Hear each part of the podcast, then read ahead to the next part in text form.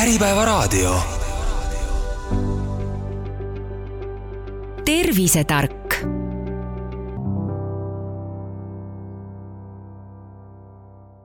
tere, eetris on Tervisetark ja mina olen Tuuli Seinberg. üheteistkümnendal mail sel aastal toimus järjekordne Reumafoorum, mis sedapuhku kandis alapealkirja Terviklik patsient seekordses saates teemegi lülituse Reumafoorumile, mille korraldajad olid Eesti Reumaliit, Eesti Reumatoloogia Selts ja Äripäeva meditsiinikonverentsid. kroonilised reumaatilised haigused esinevad Eestis üha sagedamini ning luu- ja liigesehaiguste esmajuhtumite arv on juba aastaid olnud samuti tõusuteel kroonilistel reumaatilistel haigetel on tihti ka teisi kaasuvaid haigusi ning selliste patsientide hea ravitulemus on võimalik vaid haige, tema reumatoloogi,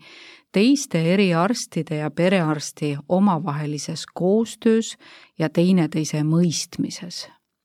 Saate esimeses pooles räägib Ränilinna perearstikeskuse perearst doktor Doris Karask sellest, kuidas jälgitakse põletikulise liigesehaigusega patsiendi tervist perearsti juures ning milline võiks olla patsiendi enda vastutus ja koostöö patsiendi, perearsti ja eriarstide vahel? nii, tere! mina olen Doris Karask ja töötan perearstina Võrus ja Tartus ja räägin siis perearsti vaatevinklist reumatoloogilise patsiendiga tööst räägin siis perearsti rollidest, perearsti meeskonna rollidest äh, selle, selliste patsientide käsitlemisel, äh, nii sellest, kui pöördub esmane haige, kellel võiks kahtlustada reumatoloogilist haigust, äh, samuti ravi jälgimisest, kui patsiendil juba on reumatoloogiline haigus diagnoositud ja tuginen siis Eestis välja antud ravijuhendile. Ja samuti probleemidest, mis minu hinnangul on just sellise valdkonna patsientidega, kuigi tegelikult võib laiendada ka teistele, teistele mm, haigustele, teistele erialadele seda et kui pöördub siis esmane patsient, kellel on liigesevaevused, äh, tuleb tunnistada, et äh, liigesevaevustega patsiendid pöörduvad äh, perearstile, ma ütleksin, iga päev, et sageli ei ole see võib-olla peamine põhjus, miks patsient tuleb, aga ikkagi enamik patsiente kurdab ka, et liigesed ka valutavad tegelikult ja olenemata sellest, kas sellega on ka varem juba tegeletud või mitte, siis see on nii eluhäiriv äh, tegelikult äh, asi, et kui inimesel on valud, need takistavad liikumist, et siis nad äh, ikkagi seda alati märgivad ja üritavad nagu lahendusi leida sellele. või siis on mõni muu süsteemne sidekoe haiguse tunnus, siis perearst teeb diferentsiaaldiagnostika ja kas suunab reumatoloogile, kui see kahtlus püsib või kui kahtlus ei kinnitu, siis perearsti töö sellega ei lõpe, perearst peab ikkagi leidma patsiendile selle vaevuse põhjuse, mis sageli on patsiendi jaoks väga oluline, ja lahenduse. et äh, tööd jagub ja ravijuhend siis äh, soovitabki ka seda ja noh, seda me teemegi, et alguses on põhjalik vestlus, läbivaatus. Äh, üritame aru saada, kas on olnud liigeste turseid, kui kaua kestab jäikus, veel erinevaid faktoreid olenevalt sellest, millisele haigusele siis see kahtlus nagu rohkem langeb. analüüsidest soovitab siis ravijuhend järgmise analüüsi teha täiskasvanute puhul, laste puhul see erineb ja see on ka ravijuhendis välja toodud. Radioloogilistest uuringutest, kuigi võib tekkida kiusatus äh, asuda patsienti kohe pildistama äh, igasuguste aparaatidega igalt poolt, siis ähm, ravijuhend tegelikult põletikulise liigeshaiguse kahtlusel, esmasel kahtlusel soovitab ainult sel juhul teha röntgeniülesvõtte, kui on labakäte või jalgade turse, et seal võiks midagi näha olla siis ja kui see kahtlus ikkagi püsib patsiendil, et, et on põletikulise liigeshaigusega, võiks olla tegemist, siis patsient peaks saama perearstilt soovituse kasutada maksimaalses annuses mittesteroidset põletikuvastast ravimit kuni siis reumatoloogile jõudmiseni. ja kindlasti ei tohiks soovitada siis muid nagu glükokortikosteroide, selliseid ravimeid mitte, enne kui patsient jõuab reumatoloogi juurde ja mõtlesin, et toon illustreerivalt välja ka selle, millised võimalused on peremeditsiinis kuna äh, peremeditsiin on Eestis äh, üks, ma ütleksin, ainuke valdkond, kus on väga ranged eelarvereeglid ja perearstil on kasutada uuringufond, äh, mille, mis on siis see summa, mille ulatuses Haigekassa tasub perearsti poolt tellitud uuringuid ja analüüse. et paljud uuringud õnneks seal sees enam ei ole, et on rohkem vabamaks läinud see rahakasutusega, analüüsid küll. ja ma arvutasin huvi pärast ka välja selle, kui palju see siis on inimese kohta. et äh, selliste nooremate täiskasvanute puhul on see aastas kakskümmend neli eurot ja siis eakate inimeste puhul nelikümmend kaks eurot, et see on väga väike summa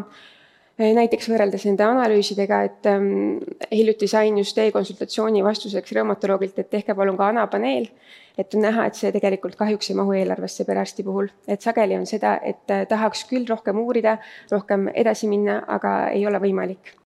Aga õnneks on meil võimalik siis saata reumatoloogile ja väga hea võimalus selleks on e-konsultatsioon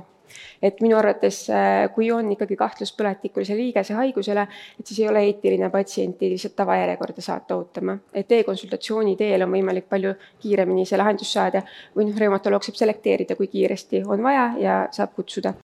kui äh, jah, e-konsultatsiooni vastuse võimalused ongi siis sellised, et kas reumatoloog kutsub või siis äh, noh, oleneb ka, mis aja jooksul, või siis ei kutsu, et ei ole kõik kahtlust põletikulisele liigesehaigusele ja siis perearst tegeleb edasi, et patsient ikkagi tavaliselt küsib, et et perearst nagu ise tunneb võib-olla kergendust, et patsiendil ei ole rasket haigust ja ütleb nagu rõõmusõnumi, et et ei ole ikkagi nii, et aga patsient ikkagi soovib teada, aga jah, aga, aga mis siis edasi saab, mul ikkagi ju valutavad need liigesed, et siis tegeleme sellega edasi. Esimene haigusjuht, viiekümne kahe aastane mees, töötab autoremondi Luksepana. See on äh, selline füüsiliselt raske töö, et peab seal tõstma raskusi, põlvitama palju. temal on lapseeast saati psoriaas ja see on üsna raskelt kulgenud, et ravimeid, ravimid ei ole aidanud ja ta osasid ei ole ka talunud. et nüüd ta on juba kolmanda bioloogilise ravimi juures ja see tal toimib väga hästi, et tal praegu löövet põhimõtteliselt ei ole enam. ja ta on umbes aasta, üle aasta seda nüüdseks saanud ja eelmise aasta detsembris ta pöördus kohalikku EMO-sse, seetõttu, et tal vasak põlv hakkas valutama. Äh, seal tehti röntgen, oli esimese astme konartroos ja EMO arst ütles siis äh, ja kirjutas epikriisi ka, ütles patsiendile ka, et aga teil on psoriaas, et äkki ikkagi on põletikuline liigeshaigus, psoriaatiline artriit võimalik, et palun minge perearsti vastuvõtule. patsient tuli minu vastuvõtule vaatasin läbi, küsisin, et kuidas siis täpselt on. patsient ütles nii, et äh, tursid ei ole kunagi olnud, äh, taktüliiti, entesiiti tal ka ei olnud, aga pärast tööpäeva vasak põlv hakkab valutama. nädalavahetusel ei valuta, ainult nagu kui ma tööl käin, siis on, siis on päris valus. Ja ta ei olnud ka eriti valuvaigistit selleks hetkeks võtnud. Läbivaatusel ei, mitte midagi nagu objektiivset leidu otseselt ei olnud, palpatsioonil võib-olla väike valulikkus oli, aga noh, midagi väga nähtavat seal ei olnud kuna mm, psoriaatilise artriidi puhul on keeruline jah, et analüüsides seal ei pruugi muutuseid olla, aga kuna selle patsiendi puhul minule tundus, et see, et tal on psoriaatiline artriit, on üsna vähetõenäoline, kuna seal anamnees ei klappinud, äh, samuti läbivaatusel nagu ei olnud mingit kahtlust ja patsient saab bioloogilist ravi ka hetkel, mis nagu tema lööbe aspektist vähemalt on olnud efektiivne. siis ma võtsin igaks juhuks ikkagi analüüsid, mõtlesin, et kui seal on mingi põletikuleid, et siis ma ikkagi konsulteeriks reumatoloogiga, aga seal ei olnud midagi ja noh, kuna patsiendil tõesti raske töö, ülekaal samuti, et siis ma järeldasin, et tegemist ikkagi võib olla tõesti konartroosist tuleneva muutusega selles vanuses. ja soovitasin talle valuravi äh, ja saatsin füsioteraapiasse füsioteraapias patsient käis paar korda, aga tal läks hullemaks seisund, et ta ütles, et noh, valutab rohkem, küünarnukid ka nüüd valutavad ja selg ka natuke valutab. ja füsioterapeut siis äh, lõpetas teraapia ja saatis teraapia kokkuvõtte, äh, kus oli kirjutatud siis jah, et äh, ikkagi patsient on ebapiisavalt perearsti poolt uuritud ja tegemist on põletikulise liigese haigusega. ja patsiendi siis kutsusin selle kokkuvõtte peale tagasi, et vaatame siis uuesti. patsient ütles, et jah, nüüd on natuke rohkem, see põlv valutab ja on hakanud lukustuma no lukustumine, eks ole, viitab, et seal on mingi keha seal liigesõõnes, mis siis eh, teatud liigutusel jääb kuskile vahele ja noh, liiges ei liigu edasi. et oleks nagu ortopeedile võiks saata, aga kuna patsient oli juba väga mures, et äkki tal siiski on psoriaatiline artriit, siis mõtlesin, et tõesti, noh, ma ei saa sada protsenti öelda, et tal seda ei ole. et küsime reumatoloogi käest. Tegime e-konsultatsiooni, reumatoloog kutsus kohale just seetõttu, et ta ei saa analüüside alusel välistada seda, et tal seda haigust ei ole. Patsiendile tehti MRT, et hinnata, kas tal võiks olla sünoviiti põlves, seda ei olnud, aga tal oli meniskivigastus põlves. see kõik, eks ole, kuna uuringute ajad ja kõik on ka, et see võttis aega kolm kuud, minu arust see protsess, ja siis pärast seda reumatoloog andis patsiendile ortopeedile saatekirja, mis oli väga tervitatav, aga kahjuks patsiendil ei õnnestunud aega panna selle tavalise saatekirjaga, et ei olnud aega pakkuda ja siis ta pöördus, et ma saaksin e-konsultatsiooni talle äkki teha ja nüüd ortopeed kutsuski ta hiljuti siis enda juurde ja aga patsient ütles, et tegelikult nüüd on kaebused väiksemaks läinud ja enam luk-, ei lukustu ka. et see on minu arust, see väga hästi illustreerib seda, et tegelikult ähm, reumaatiliste haiguste puhul ei pruugi ka sageli, teatud haiguste puhul muidugi on alati muutused analüüsides, aga oste puhul ei ole. ja arvestades seda, kui suur kogus äh, liigesehaiguse, liigesevaevustega patsiente jõuab perearsti juurde, siis vahel on väga raske, eriti kui väga süveneda sellesse ja mõelda, et aga äkki ikkagi patsiendil on midagi, et siis vahel võib-olla ka ilmaasjata konsult-, e-konsulteerime reumatoloogidega, et ma arvan, et loodan, et me väga ei pahanda selle üle, kuigi vahel natuke pahandavad ja, ja kui patsiendil on reumatoloogiline haigus, et siis äh, väga sageli, vähemalt äh, Lõuna-Eestis, kus mina töötan, ikkagi patsient jõuab tagasi perearsti juurde, kui reumatoloog on selle haiguse diagnoosi kinnitanud ja ravi alustanud. et siis perearst jälgib ka neid sümptomeid ja analüüse, peaks iga kolme kuu tagant äh, patsient andma, kui ta saab haigust modifitseerivat ravi. ma ütleks, see on väga suur probleem, et patsiendid ei pöördu ise analüüsideks ja seda juhtub väga-väga sageli mul, et kui ma hakkan retsepte pikendama, siis ma vaatan, et patsiendil võtab näiteks metodreksaati, analüüse pole ikka ammu tehtud jälle, et siis sel hetkel me ikkagi kutsume patsiendi proaktiivselt. Aga tegelikult kahjuks meil ei ole ressurssi, patsiendid vahel ootavad, et perearst kutsub siis analüüsidele, aga tegelikult kahjuks on nii, et Eestis ka perearste, pereõdesid on vähe,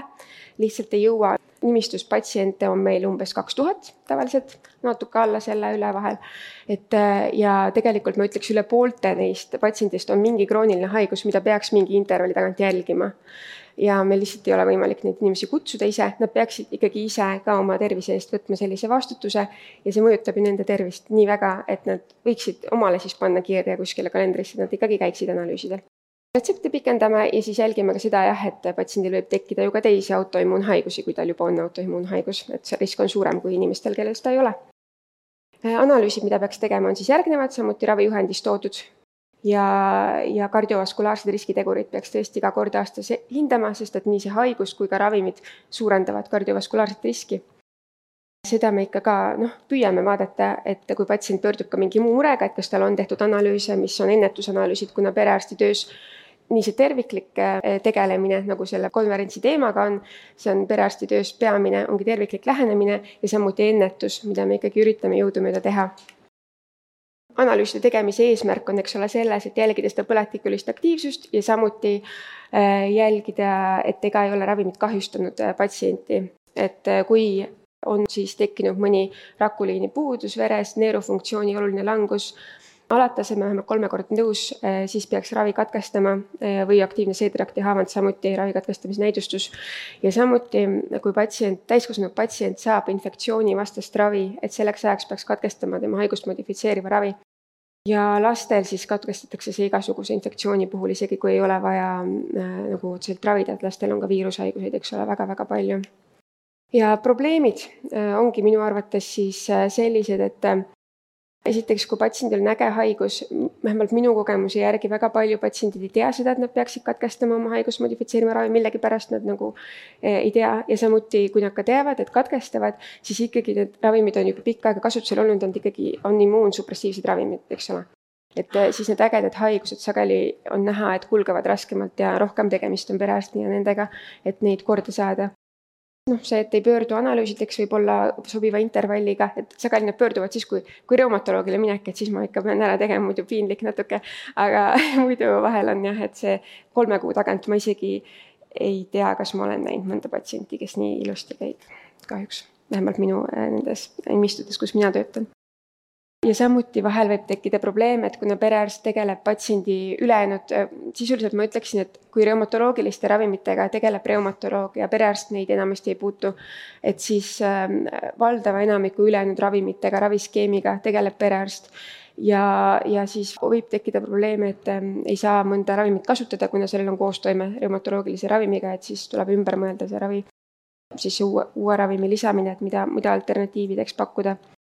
samuti reumatoloogilise haiguse ja ravimite mõju üldtervisele ja teistele haigustele, et see on kindlasti olemas ja seda tuleb ka silmas pidada, sellega tegeleda. perearstid puutuvad väga palju kokku sotsiaalsete probleemidega ka, et ähm, tegeleme siis puude hindamisega. see on üks asi ja üsna harv, noh ikkagi teatud intervalli tagant toimuv asi, aga väga palju on patsientidel ähm, just noh, ongi probleemid, et kas näiteks rahaline probleemid seetõttu, et patsient ei saa tööl käia nagu teised inimesed, vaimse tervise probleemid, eks ole, mis on seotud kroonilise haiguse põdemisega, perekondliku probleemid, ühesõnaga väga palju selliseid asju, et perearstid väga palju puutuvad sellega kokku, eriti kui on selline pikaajaline ravisuhe sama patsiendiga. ja sageli on nimistus ka teisi sama pereliikmeid, veresugulasi, et nendel, eks ole, on ka suurenenud äh, risk siis äh, reumatoloogiliseks või noh, üldse autoimmuunhaiguseks.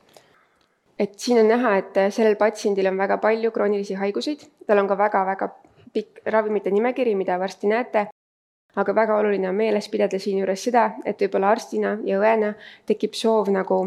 keskenduda sellele diagnoosi nimekirjale ja ravimite nimekirjale, mis on väga nagu selline, paneb mõtlema, eks ole, kohe alguses. aga, aga tegelikult ei tohi unustada, et tegemist on ikkagi päris inimesega, eks ole, et see on üks viiekümne üheksa aastane mees. ta ei saa tööl käia seetõttu, et ta tervis on nii kehv. Ta on kellegi abikaasa, kellegi isa, kellegi vanaisa, et ja, ja see lisab nagu väga palju dimensioone sellele tema haiguse loole ta on väga tore mees, ta eriti ei kurda oma tervise üle, kuigi tal on väga palju kroonilisi haiguseid. et, et see, see on nagu selline tahk, millega perearst ka kokku puutub palju, et patsiendid, kuna meil on selline noh, reumatoloogidel kindlasti ka ja teistel haiglaarstidel, kellel on pikaajaline suhe sama patsiendiga, tekib ka see tahk juurde niimoodi aegamisi, kui patsient muudkui käib, käib, on ju. aga, aga see, et jah, et patsiendid nagu muutuvad isiksusteks, et see lisab päris palju värve sinna töösse juurde aga jah, sellel patsiendil siis on reumatoidartriit. lisaks on tal teist tüüpi diabeet, mis eelmisel aastal alles avaldus tal, et ähm, alguses oli see siis, äh, kui ta avaldus, siis oli nagu noh, selline üsna tagasihoidlik, et glükohemoglobiin oli kuus koma seitse ja alustati metformiinravi ja nüüd äh, sellel aastal, kui ta millegipärast vahepealse analüüside tegemine nagu regulaarsus kadus, nüüd selle aasta kevadel, kui tehti uued analüüsid, siis oli tal glükohemoglobiin juba üheksa koma neli ja siis sai ravi tõhustatud, aga kahjuks patsiendil ei olnud raha osta ravimeid välja. nii et nüüd see on veelgi eskaleerunud ja, ja üritame sellega siis nüüd toime tulla, et nüüd ta sai ka ravimeid osta. et eh, lisaks tal on hüpertensioon, mis on samuti kontrolli alt väljas, eh, südamepuudulikkus, eh, see on õnneks üsna hästi kompenseeritud siis on aterosklerootiline haigus, nii kardiovaskulaarhaigus, eks ole, tal on infarkt olnud, tal on ka DIA olnud lisaks reumatoloogilistele liigesvaevustele on tal äh, kaevused konartroosist ja tegelikult ka koksartroosist, et puusad ja põlved äh, haiged. ja radikulopaatilised valud, rasvumus on selline keskmises astmes, mitte väga raske ja tal on raske uneapnoe, et ta kasutab CPAP-aparaati. et reumatoloogilise ravi, kes tegeleb reumatoloog, tema saab süstitavat meetodreksaati, sest ta ei talunud suukaudset. ja, ja kui ülejäänud raviskeemiga tegelen, siis mina ja praeguseks on juba natuke muutunud, et ta hiljuti käis jälle vastuvõtul ja praeguseks tema vererõhuravi näiteks on juba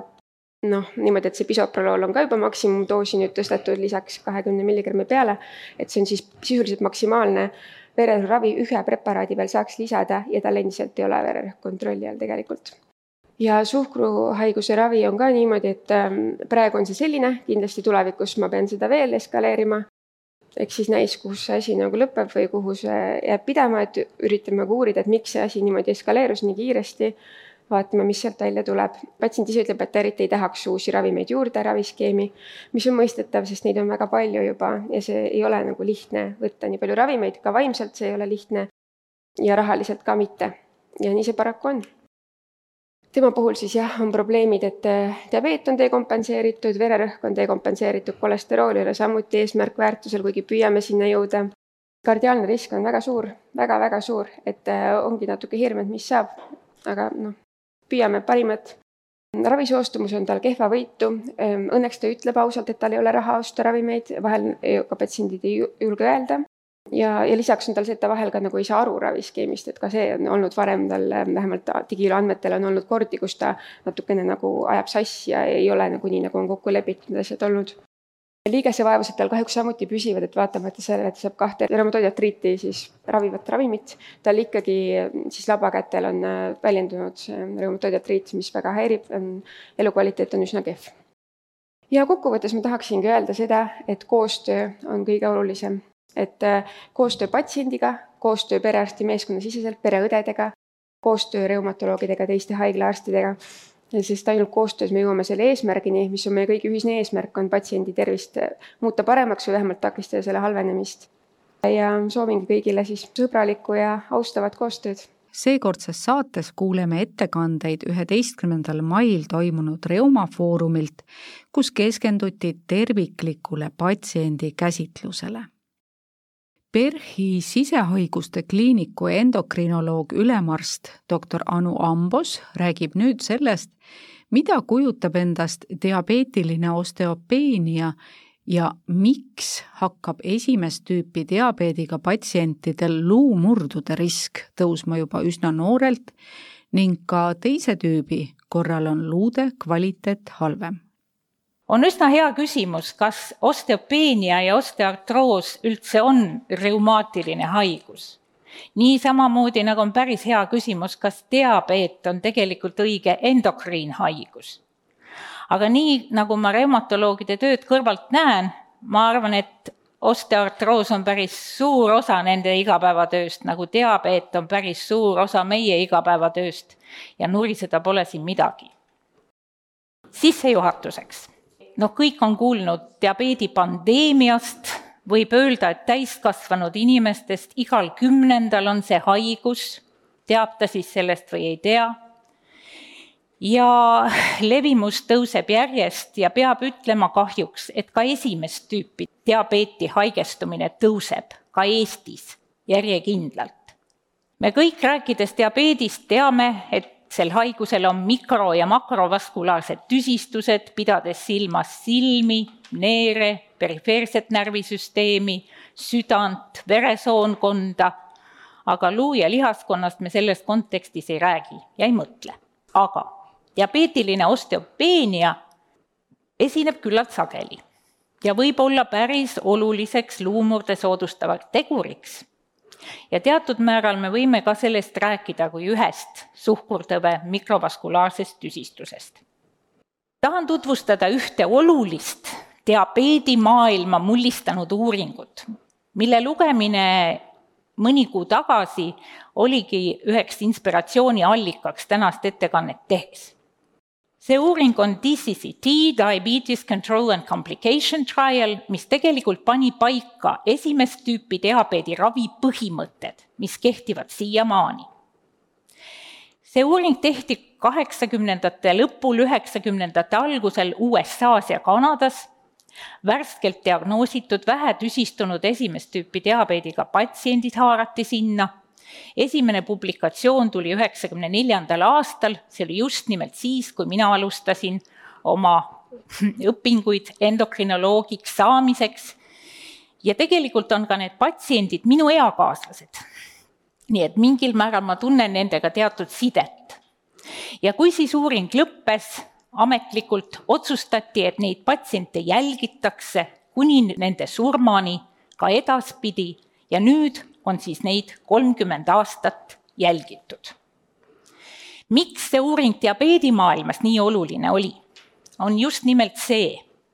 et kaheksakümnendate aastate lõpul oli arusaamine selline, et teab, esimest tüüpi diabeetiku elu tuleb muuta võimalikult kergeks ja mugavaks. mida see tähendab? vähem süste, mitte tüütut veresuhkru mõõtmist liiga sageli ja eh, patsiendid olid suhteliselt rahul, kuid on päris selge, et head kompensatsiooni sellise taktikaga ei saavuta. DCCT-s jagati noored vähetüsistunud alles värsked diabeetikud kahte rühma, ühtesid siis ravitigi niimoodi, nagu tolle aja ravipõhimõtted olid, peame silmas ju ka seda, et tol ajal ka glükomeeter polnud mitte tavapärane asi, ja teine rühm oli siis neid patsiente, keda hakati kiusama kolm-neli korda päevas veresuhkru mõõtmisega ja vähemalt nelja süstiga, olid olemas juba ka USA-s algelised insuliinipumbad ja mõni ka selliste pumbakasutaja võeti uuringusse ja see tähendas seda, et tuli hakata muutma, hakati õpetama patsienti, kuidas muuta oma insuliinidoosi vastavalt veresuhkru väärtustele, vastavalt söögile, vastavalt füüsilisele aktiivsusele ja nii edasi, nii-öelda võimalikult püüda järele aimata emakest loodust ennast. mis oli küllalt nii-öelda töömahukas, tüütu mõnikord, aga uuringu kuue aasta jooksul tuli välja drastiline erinevus diabeeditüsistuste kujunemisel, mis ei jätnud võimalust vaielda. mida edukamalt me emakest loodust jäljendame, ükskõik kui tüütu see vahel ka on, ükskõik kuidas see nõuab ka pühendumist, seda paremini me elame, seda parem on elukvaliteet tulevikus ja sellest lähtus kogu see innovatsioon ja kogu see mõistmine, mis siiamaale siis kannab esimest tüüpi diabeedi maailma, kaasa arvatud sensorid, kaasa arvatud pumbad, kõik see teenib seda eesmärki, et olla võimalikult paindlik, et hoida võimalikult head glükeemilist kontrolli, olla võimalikult vähe tüsistunud. Et nagu näete, tegelikult kompensatsiooni erinevus oli väga suur Need, kes oli intensiivsel ravil, olid vägagi hästi kompenseeritud, need, kes ei olnud, nende glükoema oli umbes üheksa, kuid kui ametlik uuring lõppes, siis see on täiesti tavaline asi, et tegelikult siis need, kes väga intensiivselt ennast jälgisid ja heas kompensatsioonis olid, enam nii väga intensiivselt ennast ei jälginud ja kompensatsioon ka veidi halvenes. Ja teised jälle vastavalt uuringu tulemustele edaspidi püüdes ennast paremini ravida ja, ja paremas kompensatsioonis olla. Ning need kaks rühma siis nii-öelda jõudsid keskpõrandale kokku siia kuskile glükohemoglobiini juurde keskmiselt kaheksa, mida need patsiendid on siis suutnud hoida selle kolmekümne aasta jooksul, mis neid on siis jälgitud ja möödunud aastal ilmus siis selle uuringu, jälgimisuuringu raames publikatsioon, kus oli siis vaadatud nende uuringus osalejate nüüd juba pikalt diabeetikute, kolmkümmend, nelikümmend aastat esimest tüüpi diabeeti põdenud patsientide luutihedust. keskmine vanus siis viiskümmend üheksa ja naisi-mehi pooleks enamuses valge rassi esindajad, noh, seda võib lugeda selle uuringu puuduseks, aga nii uuringusse neid tookord haarati. ja enamusel nendest patsientidest, tuhat nelisada nelikümmend üks uuringu alguses, oli siis tehtud mingisugune teksa uuring üle tuhande patsiendi, kellel oli siis kin-, mingisuguse lokalisatsiooni teksa viimastel aastatel ikkagi tehtud, need olid väga hästi jälgitud uuringud, uuritud patsiendid ja selle põhjal sai selgeks, neid patsiente ei võrreldud tervetega, neid võrreldi omavahel. ja sai selgeks see, mis tegelikult luutihedust siis diabeetikul mõjutab. halb glükeemiline kontroll. tundub, et veresuhkur, noh, kuidas ta neid luid mõjutada küll saab, aga näe ja sellest ka osaliselt tingitud siis nii-öelda glükoliseerimisproduktide kuhjumine. Seda selles uuringus väga omapäraselt mõõdeti niisuguse omapärase näitaja alusel skin intrinsic fluorescence, nimelt need aged kogunevad ka nahka, need kogunevad igale poole ja pandi nad siis fluoresseeruma spetsiaalsel meetodil. ning millega veel oli seos, krooniline neeruhaigus, neerutüsistus. hämmastaval kombel silma- ja närvitüsistustega seost ei leitud ja oli selge ka see uuringu käigus, et mitte kõikides paikmetes see luu hõrenemine või luukoe kadu ei olnud ühesugune, kõige enam oli kahjustatud just nimelt puus, reieluu kael, teised kohad vähem. ja tegelikult mida edasi aeg, seda enam on tähelepanu sellele pööratud, et esimest tüüpi diabeet eh, oma varase algusega tõenäoliselt segab neil patsientidel üldse saavutamast tippluutihedust. insuliin on anaboolne hormoon ja selle defitsiit haiguse alguses, samamoodi ka väga tõsine hüperglükeemia tõenäoliselt pärsivad selle luutüheduse suurenemist ja sellepärast see on üks värskemaid soovitusi ISPAD-i poolt, ISPAD on laste ja noorte diabeedi niisugune rahvusvaheline ühendus on tegelikult hinnata luutihedust juba teismeeas esimese tüübi diabeetikutel, eriti kui nendega kaasneb veel mingisugune selline võimalikult luustruktuuri mõjutav haigus, nagu näiteks tsüliaakia. ja mida veel võib öelda, et esimest tüüpi diabeetikutel reieluukaelamurru risk on viis korda suurem kui tervetel. siin on üks huvitav uuring Ameerika Ühendriikidest Cincinnati lastehaiglast teismelistest teist tüüpi diabeediga patsientidest. Eestis veel teismeliste teist tüüpi diabeet ei ole suur probleem, aga mine sa tea, mis tulevik toob. ja siin on näha seda, kuidas siis äh, teist tüüpi diabeet, kui ta tõepoolest väga varakult alguse saab, mõjutab luutihedust ja luumassi. ja siin on võrreldud kolme lastegruppi, ühed rohelisega on need täiesti tavalised teismelised, terved, mittediabeetikud, normkaalulised, sinise joonega rasvunud, aga mittediabeetilised, teismelised ja punase joonega on siin ära näidatud teist tüüpi diabeediga teismelised, kellest enamus on samuti rasvunud. sest selles vanuses on teist tüüpi diabeet väga otseses seoses eh, kehamassiga. ja kui me vaatame kas või seda ühte ainult, ühte joonist siin paneelil, bone mineral density, eks ole, luutihedus, me näeme, et vanusega kümne kuni kakskümmend viis, kui see peaks tasapisi siiski tõusma, siis ta tõepoolest ka tõuseb mittediabeetikutel, isegi rasvunutel, aga teist tüüpi diabeediga teismelistel langeb pigem. nii et ka teist tüüpi diabeet, kui ta varakult tekib, takistab tõenäoliselt selle piikluumassi saavutamist. Siin on üks väike joonis selle kohta, kuidas siis tõepoolest osteopeenia tekib, võrdluses esimene ja teine diabeeditüüp. esimese tüübi puhul siis eelkõige probleem just nimelt insuliini defitsiidis, glükotoksilisuses, atsidoosis ja kaasuvates teistes autoimmuunsetes haigustes, noh, ka hüpogonatismis, mis võib olla halva kompensatsiooni korral esineb, ja teise tüübi puhul noh, insuliini defitsiiti ei ole, vastupidi, on resistentsus ja hüperinsulineemia, aga samas krooniline hüperglükeemia on siin samuti ja glükotoksilisus. ning siin kõrval on siis sagedase ülekaalu ja rasvumisest tingitud selline mehaaniline koormus, mis samuti luustruktuurile mõjub. Ja